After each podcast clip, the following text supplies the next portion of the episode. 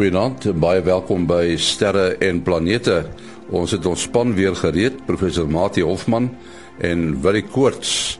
Maar voor dit ruimte nuus wat geskryf is deur Herman Turin in Bloemfontein.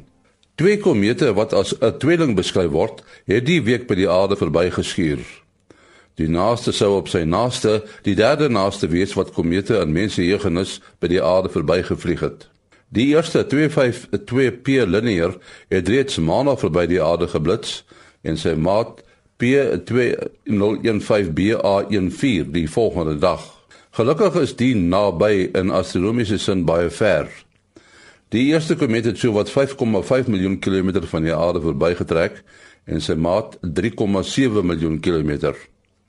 Dit is die naaste wat 'n komeet in byna 250 jaar aan die aarde sou gekom het en die naaste vir minstens die volgende 150 jaar. Dit was egter te ver om met die blote oog gesien te word maar bied aan wetenskaplikes 'n unieke geleentheid om te probeer vasstel of die twee komete eens op 'n tyd net een komeet was. 'n Internasionale span navorsers, waaronder navorsers van die Universiteit van die Witwatersrand, het bepaal dat die reuse gravitasiekolk in die middel van ons Melkweg kosmiese bestralingspartikels tot 100 keer meer energie kan versnel as die Groot Hadron Collider van CERN in Switserland. Met die ontdekking is vasgestel dat die gravitasiekolk as 'n laboratorium gebruik kan word om die versnelling van partikels te bestudeer tot energievlakke ver hoër as wat enige instelling op aarde kan vermag. Tot sover 'n ruimte nuus. Nou 'n ruimte weer hier is Kobus Olkers. Ja, ons het die afgelope week net so 'n bietjie pret gehad met die son en die week wat kom, dink ek gaan nie minder prettig wees nie. Ons het 'n uh, aktiewe area uh, wat ons verlede week sien kom het oor die rand van die son. Hy is op die oomblik geo-effektief. Hy is egter nie baie kompleks nie behalwe vir aan sy regterkant waar ons 'n uh, negatief gerigte gedeelte het wat 'n redelike swak noordpool het wat rondom hom probeer omsirkel en daar is tog 'n effe van uh, uitbarsting van hom af, maar ek sou sê nie veel meer as so 20 na 30% nie. Die oudjies waarna ons moet kyk hierdie week is koronagate. As jy sal onthou het ons verlede week gesê daar is 'n koronagat wat geplaas. Hy is nou van die son se se voorkant af, hy het weggeroteer, maar sy sy groot boet is op pad. Nou om die waarheid te sê, hy het ver oggend so 11 uur se koers hier aangekom uh het geo effektief geraak en ons sal sy sonwind toename in spoed gaan ons kan ons enige oomblik nou verwag. Uh en ons natuurlik sal ons uh, langafstand kommunikeerders beslis daarvan weet en hy gaan vir ons vir ten minste 3 4 dae uh die lewe interessant hou. Dan het ons 'n paar filamente wat wat my wat vir my bietjie kommerenswaardig lyk. Die ouetjie wat wat op op die rand sit dit is 'n magnetiese uh rand tussen die suid en die noordpool van hierdie uh koronagat lyk vir my baie onstabiel. Hy sal van môre middag af uh geo-effektief wees en as hy sou losgelaat word kan dit vir ons uh elektriese en GPS tipe probleme gee. Uh daar's nog ouetjie net aan die aan die leidende kant van die koronagat. Hy is nie so baie stabiel nie. Hy kan ook vir ons 'n probleempie gee. Hy lyk vir my meer asof hy kan platval en vir ons 'n hyder fakkel gee as wat hy sal as wat hy sal loslaat. Dit was uh, Kobus Olkers en ruimte weer. Uh, wat ek kort van die SAAO en professor Mati Hofman van die Universiteit van die Vrystaat, die Boden Sterrewag en die Digitale Planetarium uh, is by ons vanaand om oor 'n hele klompie interessante goed te praat. Uh, wat is daar as ons 'n komeet iewers te sien? Vertel ons daarvan. Uh ja, die um, komeet se naam is 252P Linear. Uh Linear is natuurlik nou die program wat hom ontdek het. Ek het hom nou nie so mooi gevolg nie toe totdat ek hier laasweek sien dat daar is nou uh iemand in Australië wat bevestig het dat die komeet is nou amptelik met die blote oog sigbaar. Natuurlik nou 'n probleem gewees laasweek en of vroeër in die week wat ehm um, beteken het dat uh, dit nou nogal nie so maklik is om te sien nie. Die uh, geskatte magnitude is +4.8. Nou die mense wat onthou dat 'n mens kan tot by +6 kan jy van 'n lekker donker plek af uh, sien en +4.8 klink nou 'n kleiner nommertjie maar die goed werk moet ook verkeerd hom. natuurlik nou die samengestelde uh magnitude so die uh, komeet is nogal groot is amper dubbel so groot soos die volmaan die die dit lyk dit wys eintlik nou nog nie 'n ster nie maar dit lyk net soos 'n 'n baie uitfokus ster die plek om te kyk is basies reg suid dit beweeg uh na aan die suiderkruis so as 'n mens nou uh as dit nou saans donker word dan uh sit die suiderkruis lê op sy sy op die stadium so nie na die suidooste kant toe. En dan um so regsuid naby die sogenaamde suidelike hemelpool uh is die komeet besig om om te beweeg. So die beste gaan wees om hom met 'n verkyker uh te probeer opspoor en as die maan wat nou begin die pad uit die uit die aandhemel uit uh dan uh het 'n mens 'n goeie kans voor die maan opkom uh, van 'n donker word tot die voor die maan opkom om om hom dalk te sien daarso. Ja, maar dit is nie te sê dat 'n komeet sterf gaan hê nie uh, of dat 'n mens sterf gaan sien nie, nee, Mati. Ja, dit uh, daarom gewoonlik is sterk as hulle naby genoeg aan die son kom. Um, maar dit is nie noodwendig met die uh, blote oog sigbaar nie. Dit hang af van hoe lank die sterre sterk is en natuurlik hoe helder die is. Hoe helder die is hang af van hoe naby aan die son kom en dan ander faktore wat baie onvoorspelbaar is. Dit gaan oor wat die effek van die son op die komeet is. Hoeveel ontgassing vind daar plaas? Want dis nou wat gebeur met 'n komeet as mens nou rolweg daaraan dink as 'n sneeubal wat oor vir die eenvoudige prentjie maar dan nuttig. Kan jy jou voorstel daar vind nou 'n uh, smelting van die 'n uh, plaas uh, en dan kan daar nou by die uh, komeet uh, ontsnap.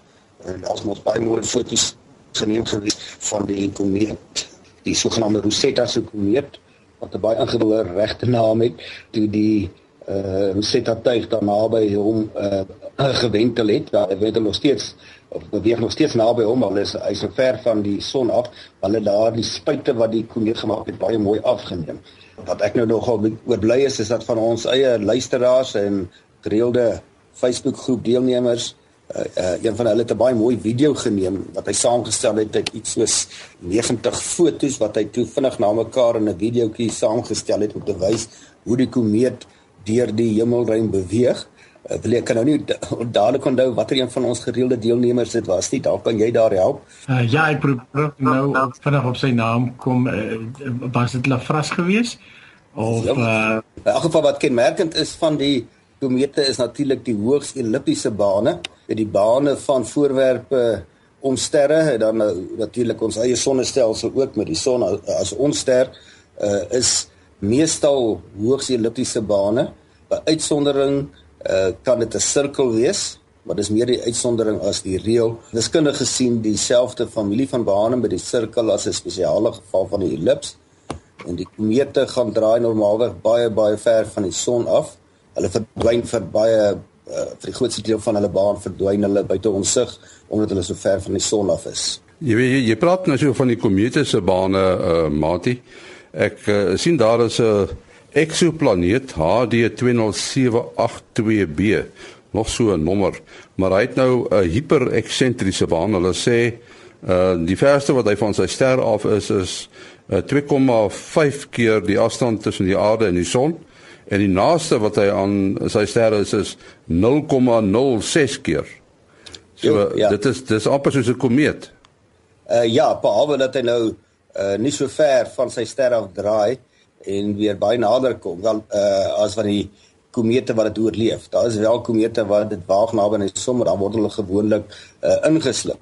'n uh, Ander voorbeeld wat ons sou kon gebruik van 'n baie eksentriese baan is die uh hipotetiese planeet 9 wat hulle taamlik seker is uh dat dit bestaan. Word nou mooi sy syfers onthou, maar is heelwat meer as 'n 1000 astronomiese eenhede of 1000 keer verder as die aarde wat hy vanaf die uh uh vanaf die son gaan draai op sy verste punt en sy naaste punt is meer hier in die orde van 10 maal nader. So dit gee vir mense 'n uh, baie elliptiese uh, baan. Uh, hoe platter die ellips is, hoe groter is sy eksentrisiteit en dit nader na 1 toe as dit nou 1 is die eksentrisiteit dan word dit 'n oop baan. Dan word dit 'n uh, paraboliese baan. Uh so die 1 is aan die een kant die ekstreme en aan die ander kant is die eksentrisiteit 0 en dan word dit weer 'n sirkelvormige baan. Uh, mens kan so daaraan dink 'n ellips wat nou 'n platgedrukte sirkel is, het twee fokuspunte. Uh elkeen redelik naby sy een uh, punt, die uh verste punte vanaf mekaar in die baan en soos dat die eksentrisiteit uh, na 0 nader, kom hierdie twee fokuspunte na mekaar tot hulle saamval uh by die middelpunt van die sirkelvormige baan. Ja, wat ook vir my interessant is van hierdie um, met 20782, dit is eintlik 'n dubbelster en so die ander ster is HD 20781. En uh wat ook interessant is van die twee die twee sterre is baie redelik ver uit mekaar uit, maar hulle wentel in die hart van die saak om mekaar omdat hulle in mekaar se gravitasie uh veld is. En ehm um, dit is een van die eerste stelsels waar hulle eksoplanete rondom al twee sterre ontdek het wat nou ook nog vir my interessant was en die die ander ster die 20781 se uh, eksoplanete se bane is net so eksentries. So daar is nog al 'n klomp interaksie aan die gang daar. Dit sal nog al 'n lekker wiskundige model wees vir hierdie superrekenaars om al hierdie goeters te bereken. Ja, maar ek het gedink dat uh die baan van 'n uh 'n planeet om sy sterre word bepaal deur die ster self. En uh, as 'n mens nou so eksentriese baan het, wat bepaal dan nou die uh, die baan? En nie, dit is die presies dieselfde fisika wat uh, maak dat dit of 'n sirkelvormige of dan 'n elliptiese baan is. Dit hang net af uh, van die aanvangsvoorwaardes. Weet hoe het hierdie stelsel uh, uh om 'n sirkelvormige baan te kry is 'n baie spesiale geval mens moet so daaraan dink dat as jy nou 'n punt in die baan vat en jy gee op daai stadium aan die voorwerp 'n snelheid loodreg op die radius na die na die ster. Dan sal hy in 'n baan gaan. En die vorm van die baan gaan afhang van die aanvanklike snelheid wat jy vir hom gee. As jy die snelheid baie klein maak dan gaan hy vinnig uh, in en dan gaan daai punt uh die verste punte van die ellips word waar jy begin het. As jy weer 'n baie groter snelheid gee, gaan daai punt weer die naaste punte van die ellips wees. En as jy presies die regte snelheid gee, kan jy dit dan 'n sirkelvormige baan gee. Maar mens kan jy dan by wyse van die snelheid wat jy kontinu moet verander vanaf 'n platgedrukte ellips in die een rigting of 'n platgedrukte ellips in die ander rigting met die sirkel presies tussenin, kan mens dan insien die die vorm van die ellips hang af van daardie aanvanklike snelheid loodreg op die op die radius en net een spesifieke snelheid maak 'n sirkelvormige baan moontlik. Mens moet eintlik vra hoekom is daar tog soveel bane wat redelik naby aan 'n sirkelvormige baan het 'n uh, baan is veral vir die voorwerpe wat baie naby aan die aantrekkingspunt is. Soos in ons sonnestelsel geval die binneplanete die, die bane van Mercurius, Venus en die aarde is redelik naby aan uh, perfekte sirkels nog nie presies nie want dit gaan oor die weerstand amper weet atmosferiese weerstand.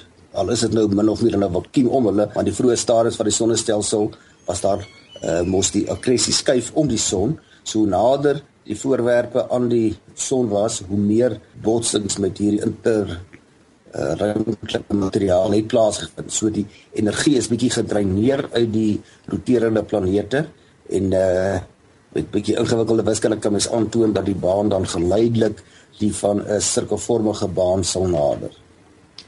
Wat die uh, 'n mens hoor, dikwels mense praat van 'n sogenaamde bruin dwerg. Dit dis dis 'n soort ster. Wat presies is dit? Bruin dwergster is is een van die uh, maniere wat hulle dit noem is is eintlik 'n ster wat nie regtig aan die gang kon kom nie. En uh, as ons dink aan Jupiter in ons eie sonnestelsel, is uh, iets soos 300 maal so groot soos die aarde.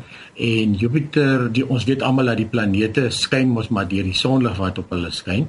So uh, ons kan hulle sien in die naghemel uh, as gevolg van weerkaatste sonlig. En as jy dan mooi die die meting gaan maak en jy kyk hoeveel energie uh van die son val op Jupiter en hoeveel kom terug op die aarde dan sien jy daar's eintlik meer energie wat ons bereik as wat van die son verantwoordelik is.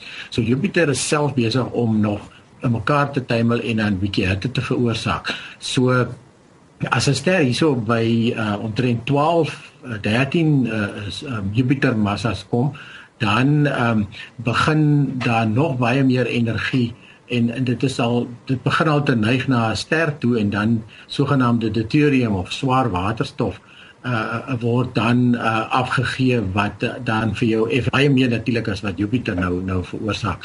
En dan of wanneer die die liggaam nou ons ja, ons noem dit 'n ster, dan is in die in die omgewing van 60 70 maal uh Jupiter se grootte kom dan is dit die die die soort van die die die die upper limit soos hulle sê die die grootste wat het, wat 'n breinberg dwergster dan dan kan word. So dan die hoeveelheid energie wat hy afgee is nog nie wit eh, soos 'n ster wat wat lekker aan die gang kom of wat ook al die die die die kleur is nie. So dit uh, gee meeste van die hitte af of sy energie dan af in die infrarooi en uh so dit is dan soos ek sê 'n ster wat nie heeltemal lekker kon aan die gang kom nie en en eintlik soos soos 'n koel daar so gloei maar wel daar is wel prosesse aan die gang genoeg om om uh wat in sy kern vir ons uh uitstraling gee wat soos ek sê hoofsaaklik in die in die in die hitte uh, of die infrarooi dan manifesteer uh, dit gaan daaroor dat in vergelyking met gewone sterre is daar heeltemal te min van die beskikbare kernsmeltingsbrandstof. 'n Gewone gewone sterre begin hulle lewe deur gewone waterstof uh versmelting. Dit is waterstof 1 wat net een proton het.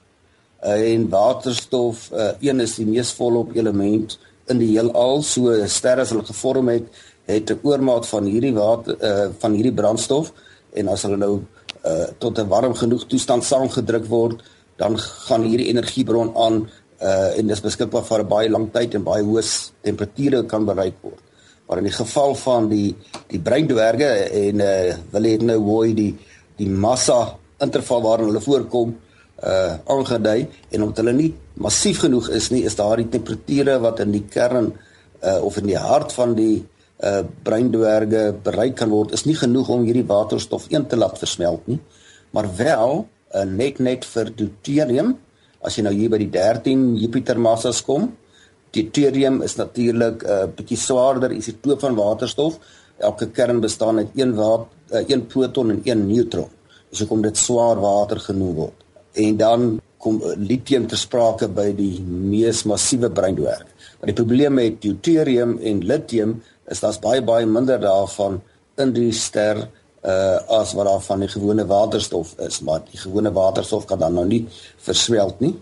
En omdat die temperature dan nou nie so hoog is nie, is hulle sê, ek dink jy een van ons kan nou uh, ek al 'n foto gesien, 'n optiese foto van hoe 'n breindwerg lyk nie, maar hulle is nie brein nie. Hulle kleur kan dalk op grond van die temperatuur in die orde van rooi oranje of self uh magenta. Dit is so pink pers. Uh, maar ek sien baie goed met kleure en jy kan my daar reg help. Uh maar ek dink dit sou nog 'n baie mooi kleur kon wees as 'n mens 'n breindwerg kon sien. Uh en as mens nou wil probeer die naaste breindwerg aan die aarde is maar onlangs ontdek so 2013 rond op 'n afstand van 6.5 ligjare. So dis die naaste ster is net oor die 4 ligjare. Sirius wat ons helderste ster is is 8 ligjare. So hierdie breindwerg uh sogenaamd Lumen 16 as eintlik twee breindwerge in die stelsel is naby genoeg maar tog uh, kon ons hom nie sien nie. Hy is moes met 'n groot teleskoop ontdek word en dit gee dan 'n aanduiding hoeveel hulle dowwer is as gewone sterre. Ja, ons moet ongelukkig halt roep. Uh, wil jy jou besonderhede? Ja, sê bof. SMS 072 4579208. 072 4579208. En dan Mati?